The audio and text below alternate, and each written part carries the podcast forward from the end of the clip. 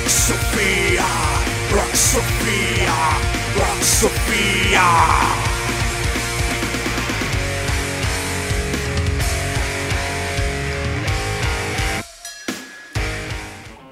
É, olá! Eu sou o Thiago Gonçalves, pela Alma Londrina.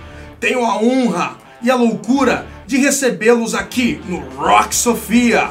E em meio a tudo isso, toda essa lama, todo fogo, o fogo da vergonha causada por administrações incapazes e é, inserida na lama da corrupção humana, eu convido esses caras aqui que são expert em suas tarefas.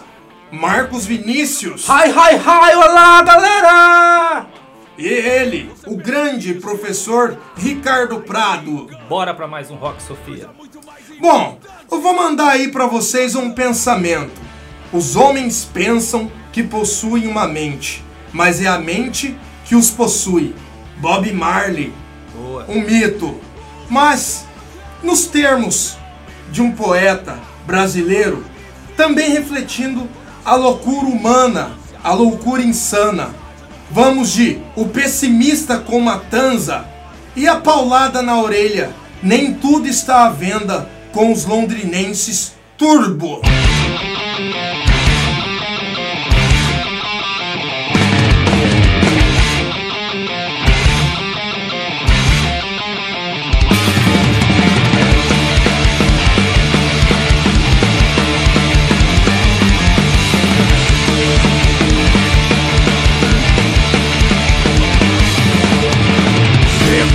Reconheço na voz a mentira, me admira a frieza do olhar. O sorriso fingido da ira, tanto inspira quem quer te matar. O discurso é de fato asqueroso, sombrio. Um pretexto confuso, ardiloso, que defende o que nunca existiu. E você que me acusa de ser pessimista, quer que eu fique sentado e assista esse mundo mudando por si. Não vai mudar, vai ficar bem pior do que está. Mais inútil dizer, se ninguém quer saber. Não vou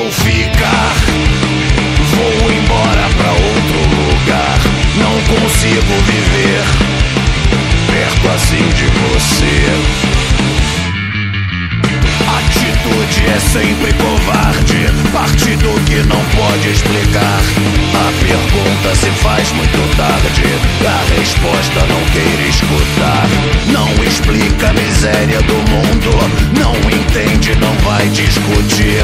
Nos ordena que mude de assunto, diga algo que os faça sorrir. E você que me acusa de ser pessimista, quer que eu fique sentado e assista esse mundo mudando por si. Não vai mudar, vai ficar bem pior do que está. Mais inútil dizer, se ninguém quer saber. Não vou ficar, vou embora pra outro lugar. Não consigo viver perto assim de você.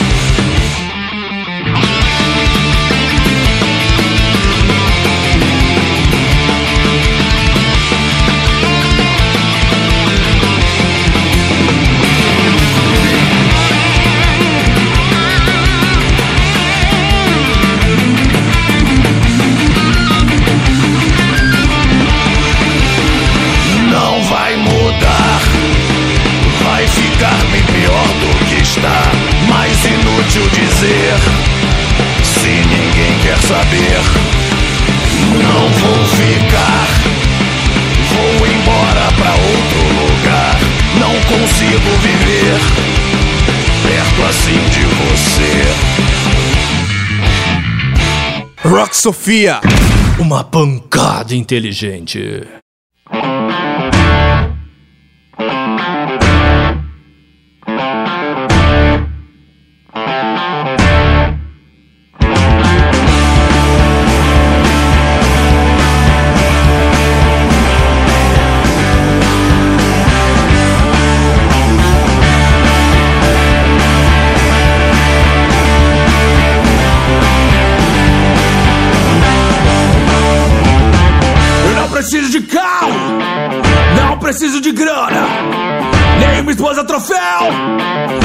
Aquecer minha cama.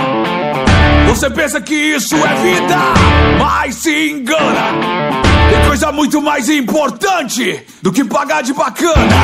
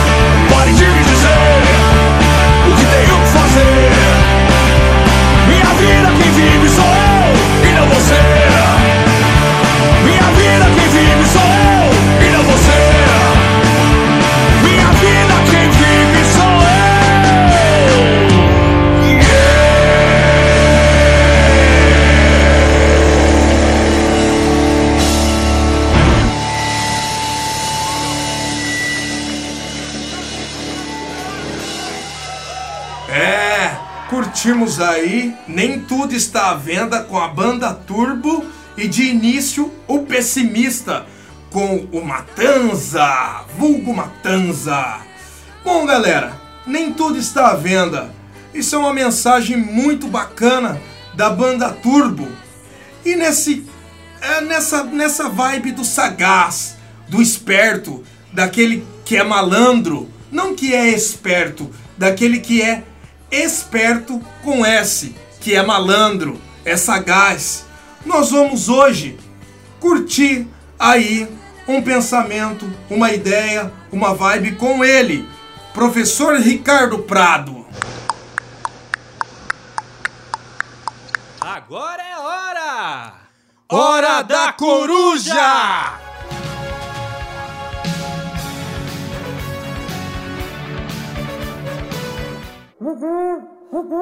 Olá, Tiagão. Olá, amigos ouvintes.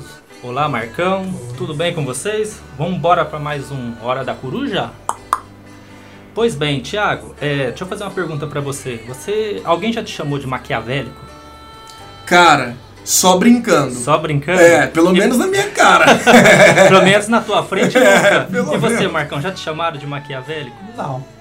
Vocês, por acaso, imaginam do que se trata esse termo maquiavélico, o significado dele? Eu tenho uma noção, Pode mas falar, não tem problema. Eu prefiro Tá bom, então.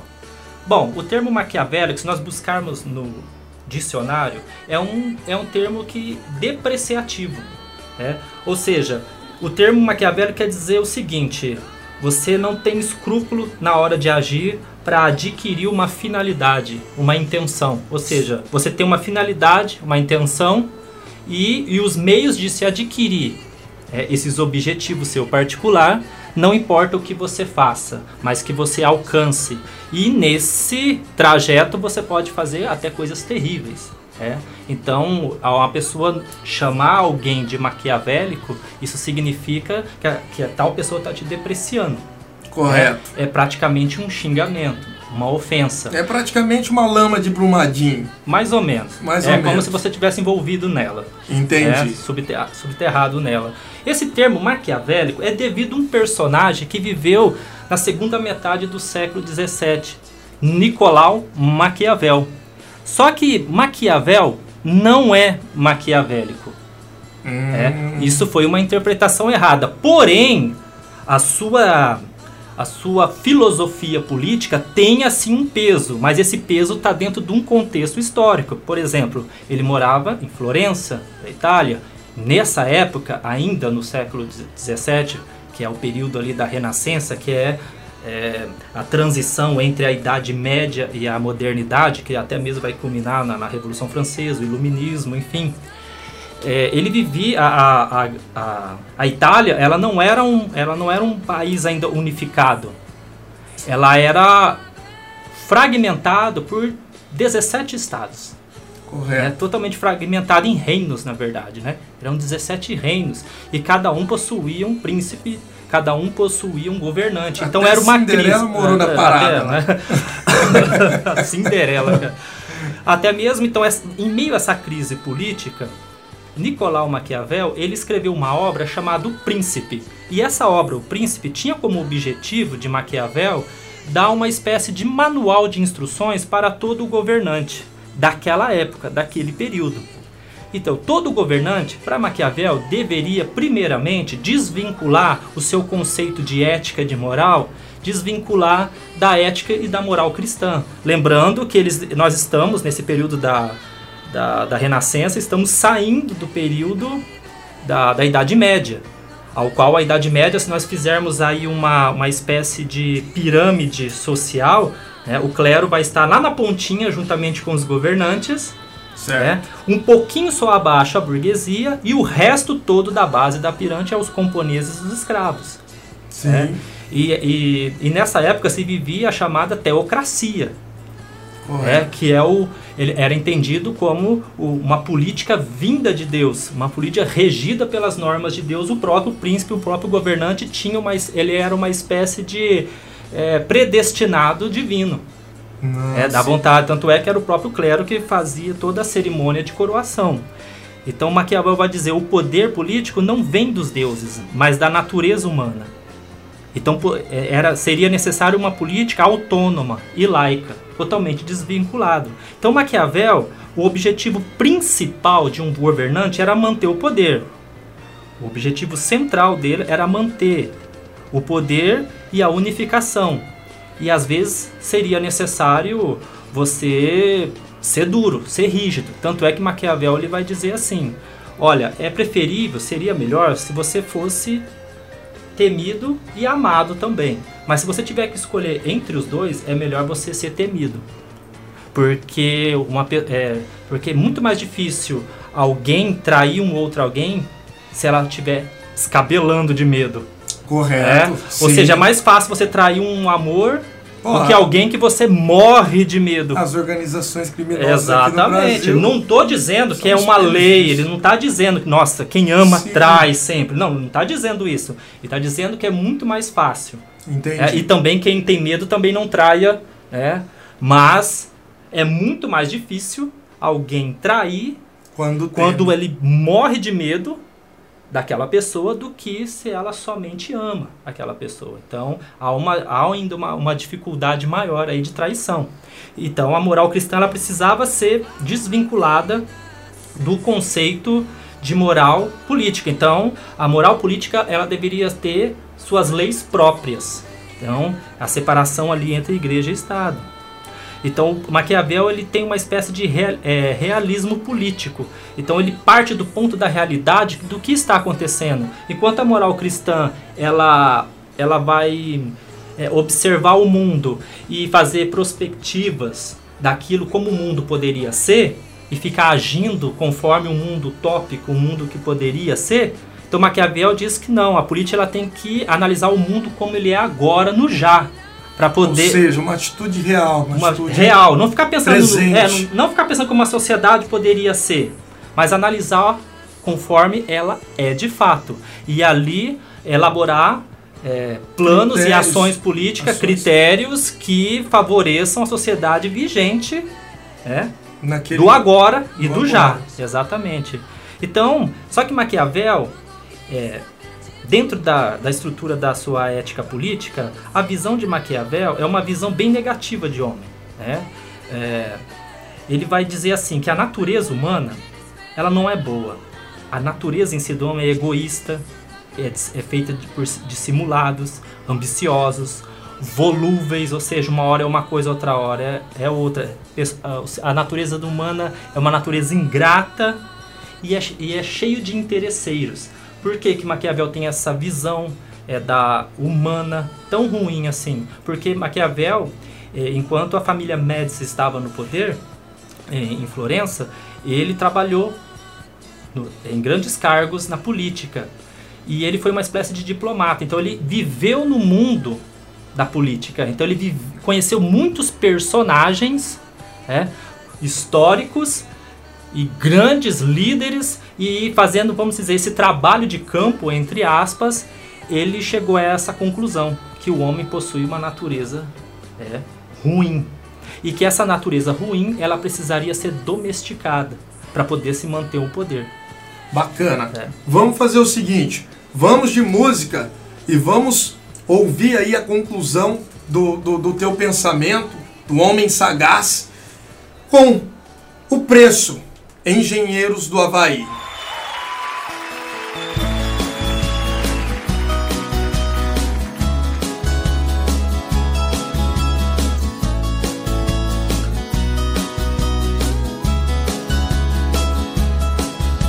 O preço que se paga às vezes é alto demais.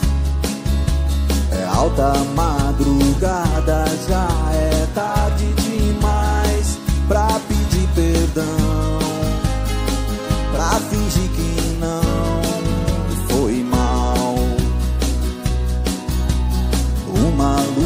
se apaga no prédio em frente ao meu. Sempre em frente foi o conselho que ela me deu, sem me avisar que iria ficar pra trás. E agora eu pago meus pecados por ter acreditado que só se vive uma vez. Eu pago meus pecados por ter acreditado que só se vive uma vez. Pensei que era liberdade, mas na verdade eram as grades da prisão.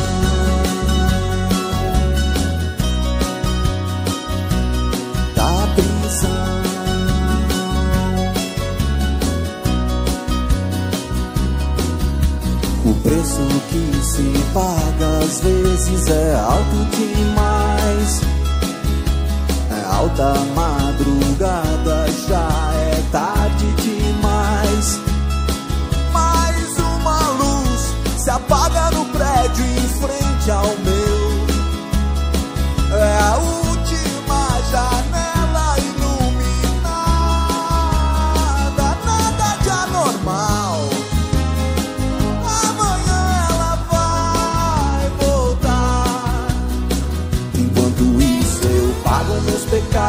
por ter acreditado que só se vive uma vez.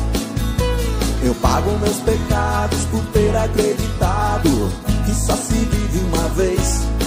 Pensei que era liberdade, mas na verdade me enganei outra vez.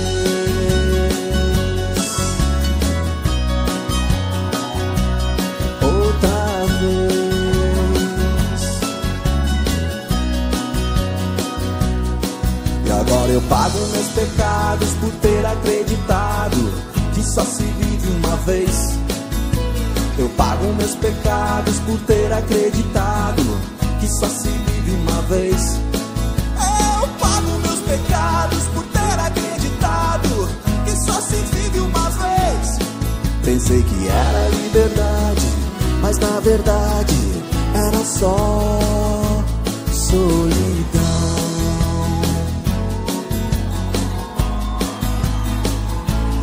Solidão.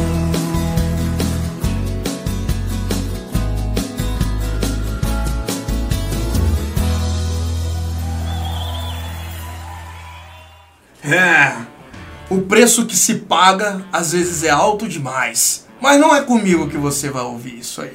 Vai lá, Ricardão. Para concluir, como estava dizendo, Maquiavel, com um pensamento, com uma ética desvinculada do pensamento ético cristão, todo bom governante ele precisa ser dotado de duas categorias. É, Ele precisa ter virtude e fortuna. Bom, virtude é a virtude, mas não aquela virtude conhecida. Ou seja, se você recebeu tapa numa face, oferece a outra. Não, mas é a virtude do homem com competência, com atitude, ou seja, proativo, com a força, a astúcia e a coragem. Ou seja, o verdadeiro homem político, governante, se ele quiser manter o seu poder, quiser adquirir os seus, é, alcançar os seus objetivos, ele precisa ter ser um homem de virtude. Só que ele também precisa ser um homem de fortuna. Mas fortuna aqui não é a riqueza. Não que a riqueza seja ruim, mas não é essa a questão de Maquiavel. É, fortuna é, é o homem que sabe aproveitar as circunstâncias que a vida lhe oferece. Porque ele, ele faz uma alusão a uma deusa romana da mitologia chamada Fortuna. Quem é essa deusa? Ela é a deusa do acaso, a deusa da, da sorte. Então, o homem de fortuna é um homem que sabe usar a sua sorte, o acaso, seja bom ou seja ruim, mas ele sabe favorecer essas circunstâncias, aquilo que acontece no dia a dia, que, que, que foge do nosso controle, mas simplesmente elas acontecem e que saiba lidar com tudo isso e direcionar de certa forma ao seu favor. Então, o homem de virtude, ele deve ser ter astúcia, deve ser um homem corajoso, com competência e força. E também um homem de virtude, ou seja, um homem que sabe utilizar o- os, o- as consequências, os acontecimentos, os os fatos, a- a- as de- adversidades. Em prol de uma manu- manipulação é, positiva. Exatamente, trazer para o seu objetivo. Né? E se o governante não tiver essa fortuna, ele não consegue manter o, o seu poder, ele não consegue manter, é, administrar o seu estado, não consegue administrar nem a sua própria A vida. tua empresa. Ricardo, voltando para nossa realidade aqui do Brasil, cabe a frase do Bezerra da Silva, da música: malandro é malandro, mané é mané. Dentro da, da, da, da filosofia de Maquiavel, Sim. é um pouco de con- descontextualizado, porque na verdade uma das frases assim que mais característica o pensamento de Maquiavel, apesar que a frase não é dele, chama, eu acredito que vocês já devem ter ouvido, é, os fins justificam os meios. Sim. Essa frase não é de Maquiavel, muito menos da obra O Príncipe que ele escreve, que eu falei no começo lá, que é um que ele É escreveu um marco até. é, né? que ele escreveu é, como uma espécie de manual para o bom governante. né? Se ele seguisse, ele saberia o que fazer. Então, os fins justificam o meio, não sendo de Maquiavel, mas ele ilustra, ele condensa, de certa forma, o pensamento de Maquiavel. Porque Maquiavel, ele vai dizer assim, se você, você deve agir conforme a necessidade. né?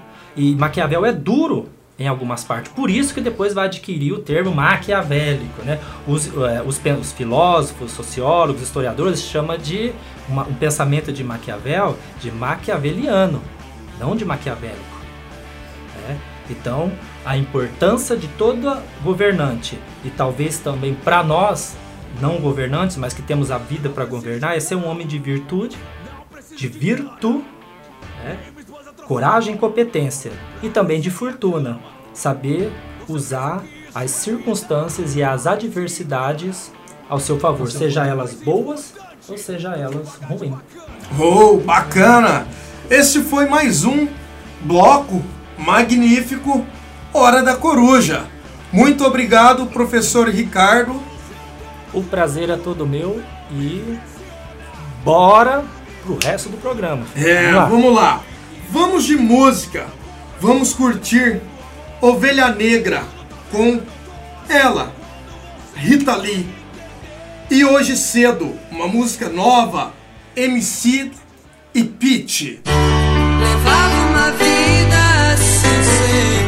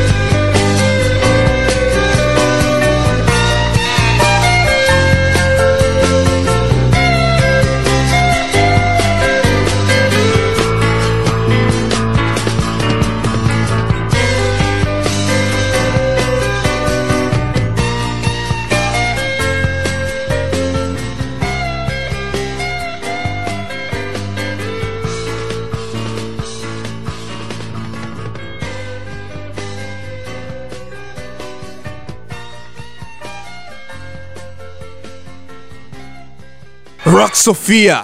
Uma pancada inteligente. Hoje cedo, quando eu acordei e não te vi, eu pensei em tanta coisa. Tive medo, ah, como eu chorei. Eu sofri em segredo tudo isso hoje cedo. Holofotes fortes, purpurina. E o sorriso dessas minas só me lembra cocaína. Em cinco, abrem-se cortinas, estáticas, retinas brilham, garoa fina. Que vida, meus poemas me trouxe onde eles não habitam. A fama irrita, grana dita, cê desacredita. Fantoches, pique, Celso Pita, mentem, mortos, tipo meu pai, nem eu me sinto presente. Aí é rima que cês quer, toma duas, três, farta vai infartar cada um de vocês num abismo sem volta. De festa, ladainha, minha alma afunda igual minha família em casa, sozinha. Entre putas como um cafetão, coisas que afetam sintonia. Como eu sonhei em tá aqui, um dia é crise, trampo, ideologia. Pause, é aqui onde nós entende a Amy Winehouse. Hoje cedo, Aham. quando eu acordei Quando acordei,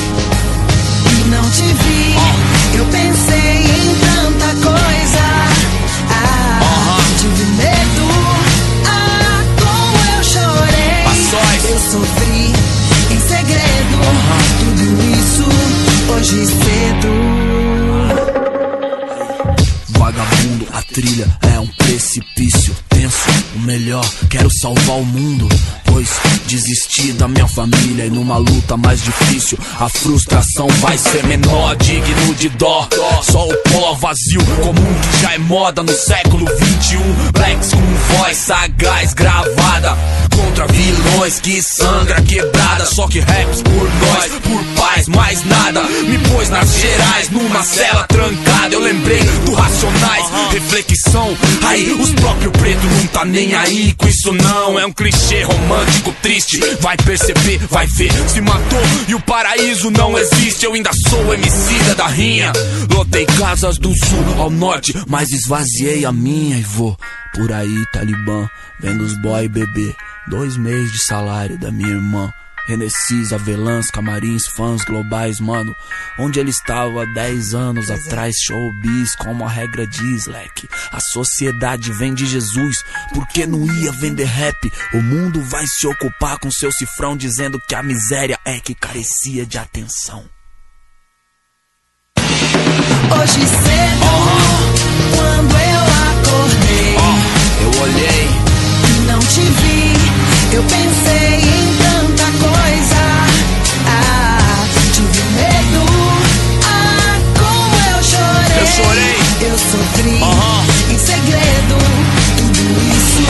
hoje cedo. É, galera. Hoje eu acordei e chorei com tudo que eu vi, com tudo que eu li. Essa foi hoje cedo com Emicida, participação especial da Pete e também curtimos um clássico Ovelha Negra com a Rita Lee. E galera, nós vamos parar de chorar, vamos parar de reclamar e vamos curtir mais um Alma do Artista com aquele que também é professor, artista visual, o nosso querido amigo Marcos Vinícius.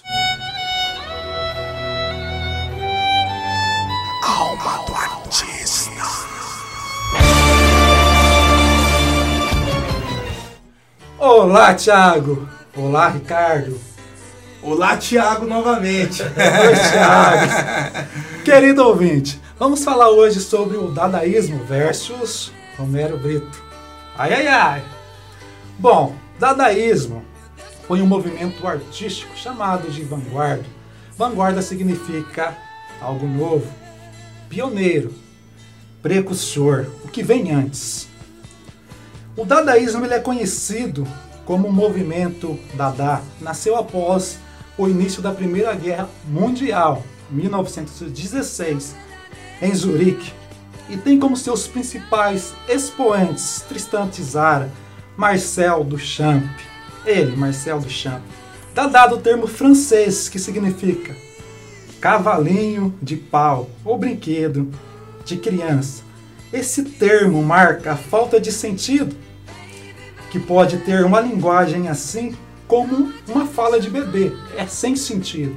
Então o dadaísmo ele é um movimento anti-arte, ele é contra a arte. O movimento dadaísta ele nasce para dizer que como a religião nem a ciência foram capazes de frear uma guerra, então nós temos que acabar a arte, porque não serve para porcaria nenhuma também. As principais características do dadaísmo é a irreverência artística, objetos comuns do cotidiano. Lembra do Duchamp lá? Foi na loja de construção, comprou um, é, um, um mictório, né? Sim. Aí ele foi lá, assinou. Foi tema, foi tema de programa. Né? virou uma Exatamente.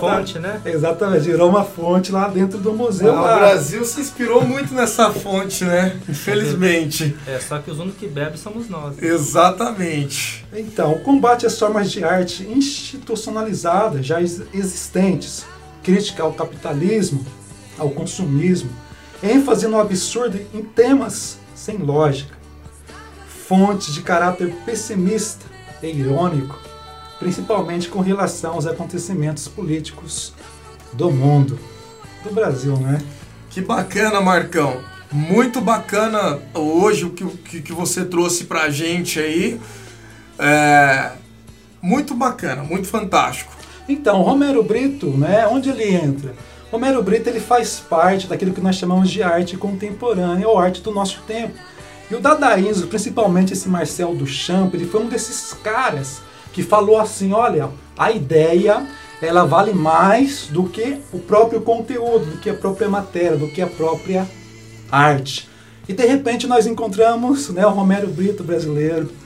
Esse cara nasceu em Recife, Pernambuco, em 1963 chamado também de artista pop brasileiro, né? Nós temos um artista pop lá em Miami, na América do Norte. Então ele produziu algumas pinturas e vendeu, comercializou pinturas para pessoas conhecidas, como a Madonna, né, o Michael Jackson, né, que não pôde levar a pintura, mas adquiriu essa pintura na época. Também o príncipe William, Pelé, é, o Roberto Marinho, né, da TV Globo ali e tal. E também tivemos a Dilma Rousseff, né, que foi homenageada também pelo, por esse artista, Sim. Né? Aí você vai me perguntar, Dilma Rousseff? Isso, Dilma Rousseff, né?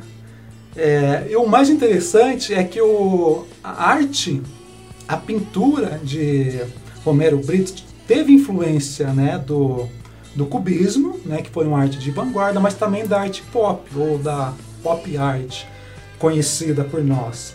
Né? O, os desenhos, as pinturas de Romero Brito, né, os animais ou pessoas, eles, eles eram muito alegres, são muito alegres. Mas eu li uma notícia, né, de uma revista, a revista Exame, e essa notícia falava que Romero Brito está muito triste. E para falar porque ele está triste, eu gostaria, né, que o Thiago pudesse chamar uma música pra gente. Vamos lá, vamos com a música Tudo, banda Volve. Acordo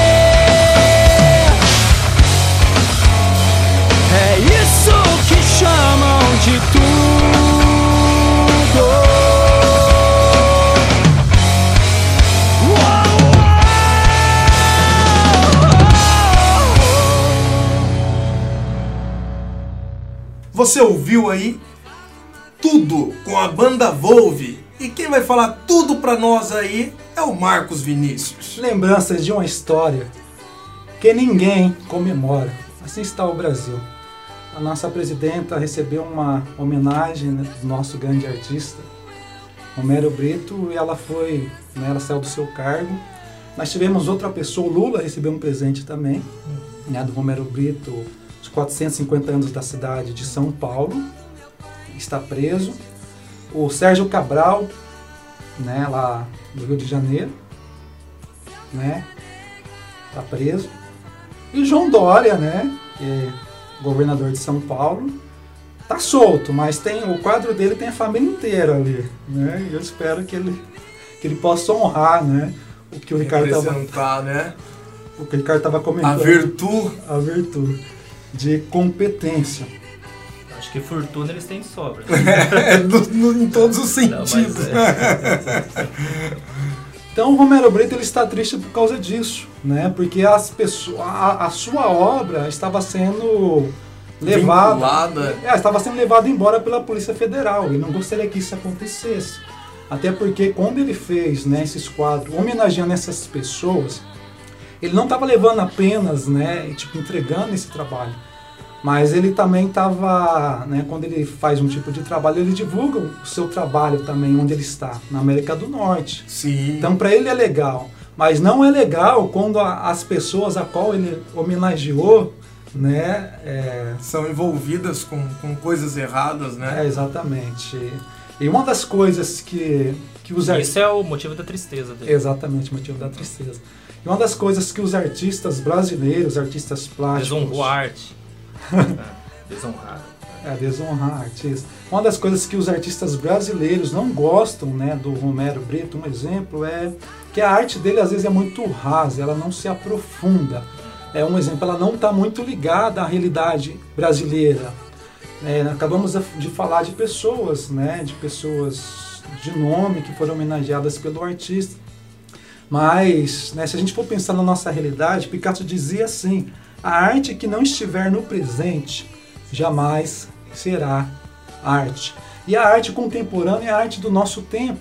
Então nós temos que, que usar a arte né, como crítica, nós temos que usar a arte para mudar a sociedade. Linguagem.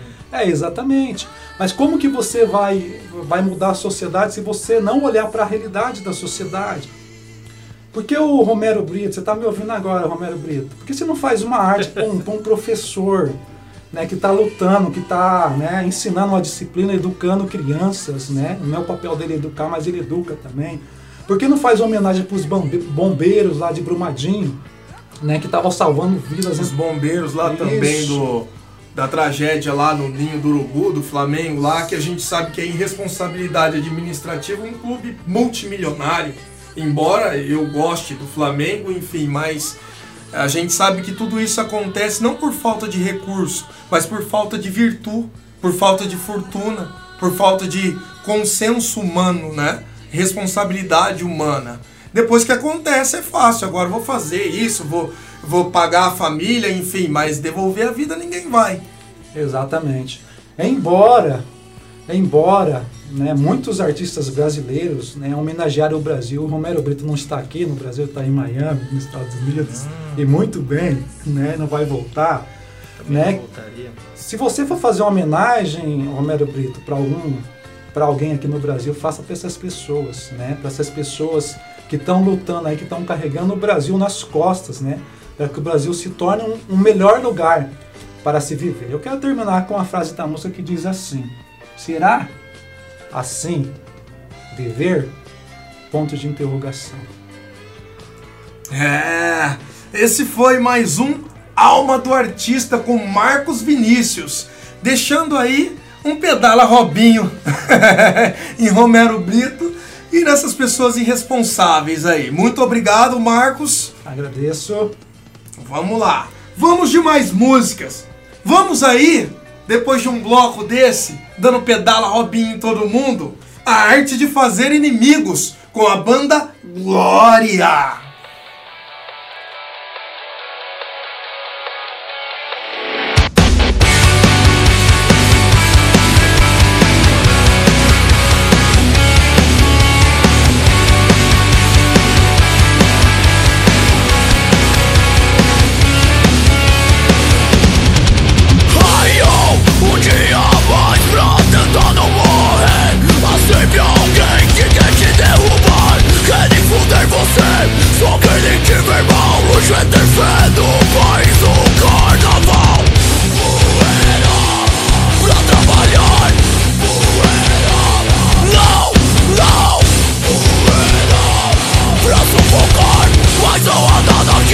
Que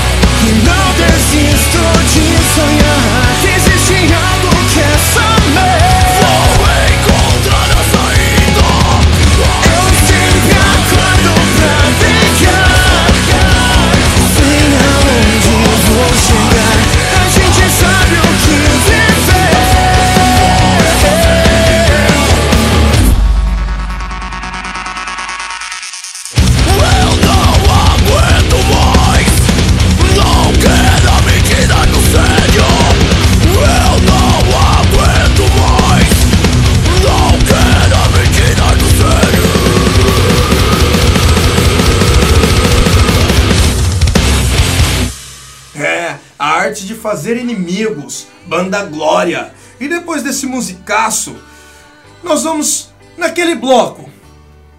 Aquele. Aquele. Simplesmente aquele. Qual é esse bloco? Curiosidade. Com quem? Tiago. Gonçalves. Pois é, sou eu mesmo. E não é eu mesmo e Irene, é sou eu mesmo só. Brumadinho se localiza ao sul da reserva da biosfera da Unesco da Serra do Espinhaço, uma região considerada refúgio de vida selvagem em Minas Gerais. Por ser uma área de transição entre a Mata Atlântica e o Cerrado, a importância ecológica do lugar é enorme, porque abriga espécies de animais e vegetais de ambos os biomas, muitas, inclusive, ameaçadas de extinção. Este texto está presente no, no site do Greenpeace Brasil. A galera que se preocupa com a natureza. A curiosidade, ao menos neste momento do programa, vai ser toda voltada pela natureza. Ou seja, nós tivemos aí é, a morte, o assassinato, porque isso aqui é um assassinato, não é uma tragédia, é uma irresponsabilidade.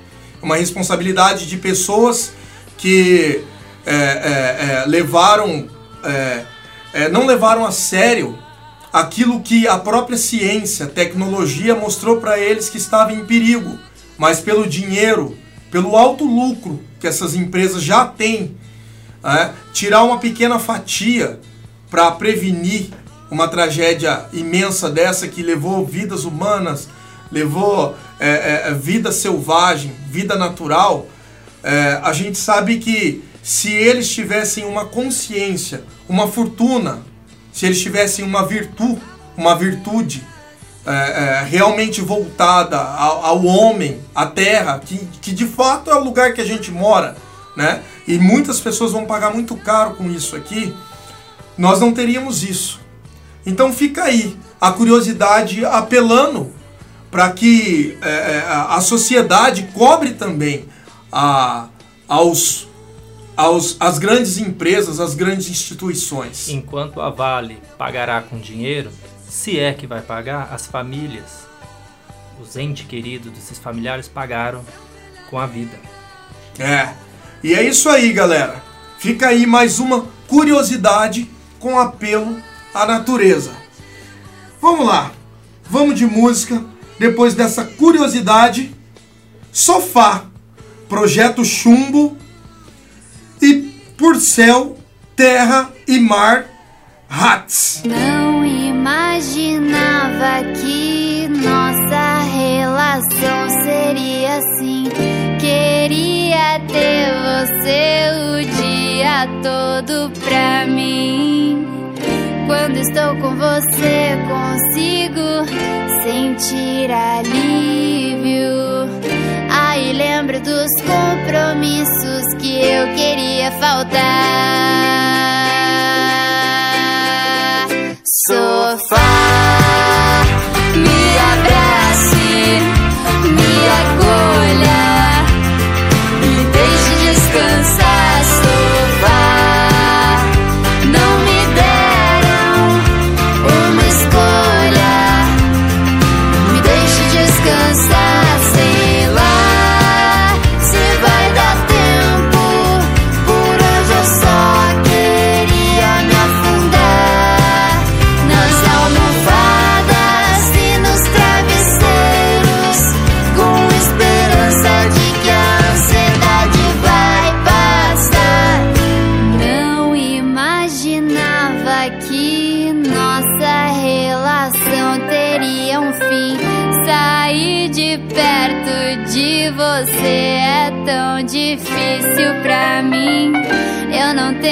culpa disso que acontece.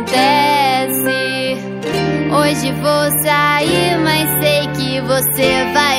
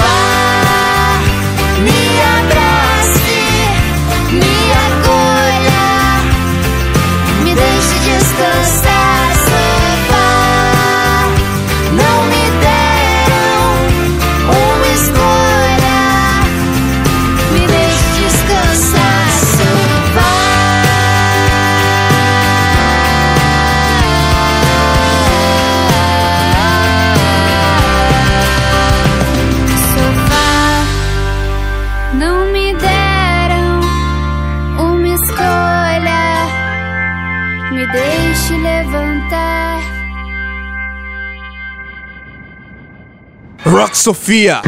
Uma pancada inteligente. Meu destino tá atrasado e eu vou pro céu e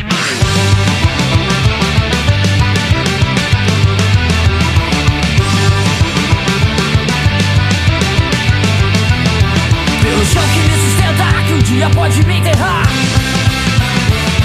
Pelo vento que me impulsiona, outrora pode derrubar. Pela água que navego e um dia pode me engolir. Juro no que depender de mim ninguém impedirá de Eu conseguir Pode vir com suas armas, meu escudo é mais forte. Porque toda maestria supera qualquer vontade de sorte. Pode vir com olho gordo, pode vir com mais de 100 xenofobia pertencia a mais ninguém. E, ah,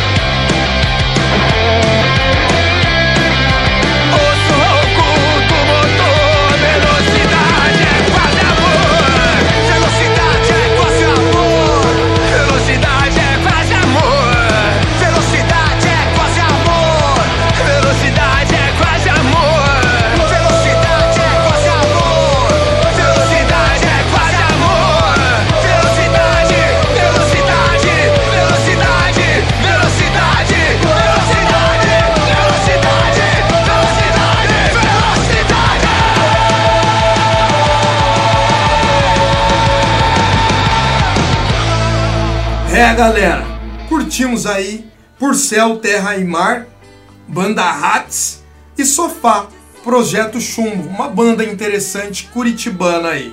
Bom, galera, esse foi o Rock Sofia Sagaz, com a volta aí, uma gravação com o professor Ricardo Prado. É isso aí, galera. Valeu para mais um Rock Sofia, mais um bloco Hora da Coruja. E espero a audiência de vocês para mais o próximo programa. Valeu, Marcão. Valeu, os dois Tiagos. e até a próxima. É, Marcos Vinícius. Agradeço também a todos vocês, querido ouvinte. A alma do artista se alegra com vocês. Bom, galera, esse foi o Rock Sofia. Esperamos sempre vocês aí com seus ouvidos sujos. Eu, Thiago Gonçalves, me despeço de vocês com a música Velocidade do Capital Inicial, um lançamento aí Capital e CPM 22. Muito obrigado, valeu galera, tchau!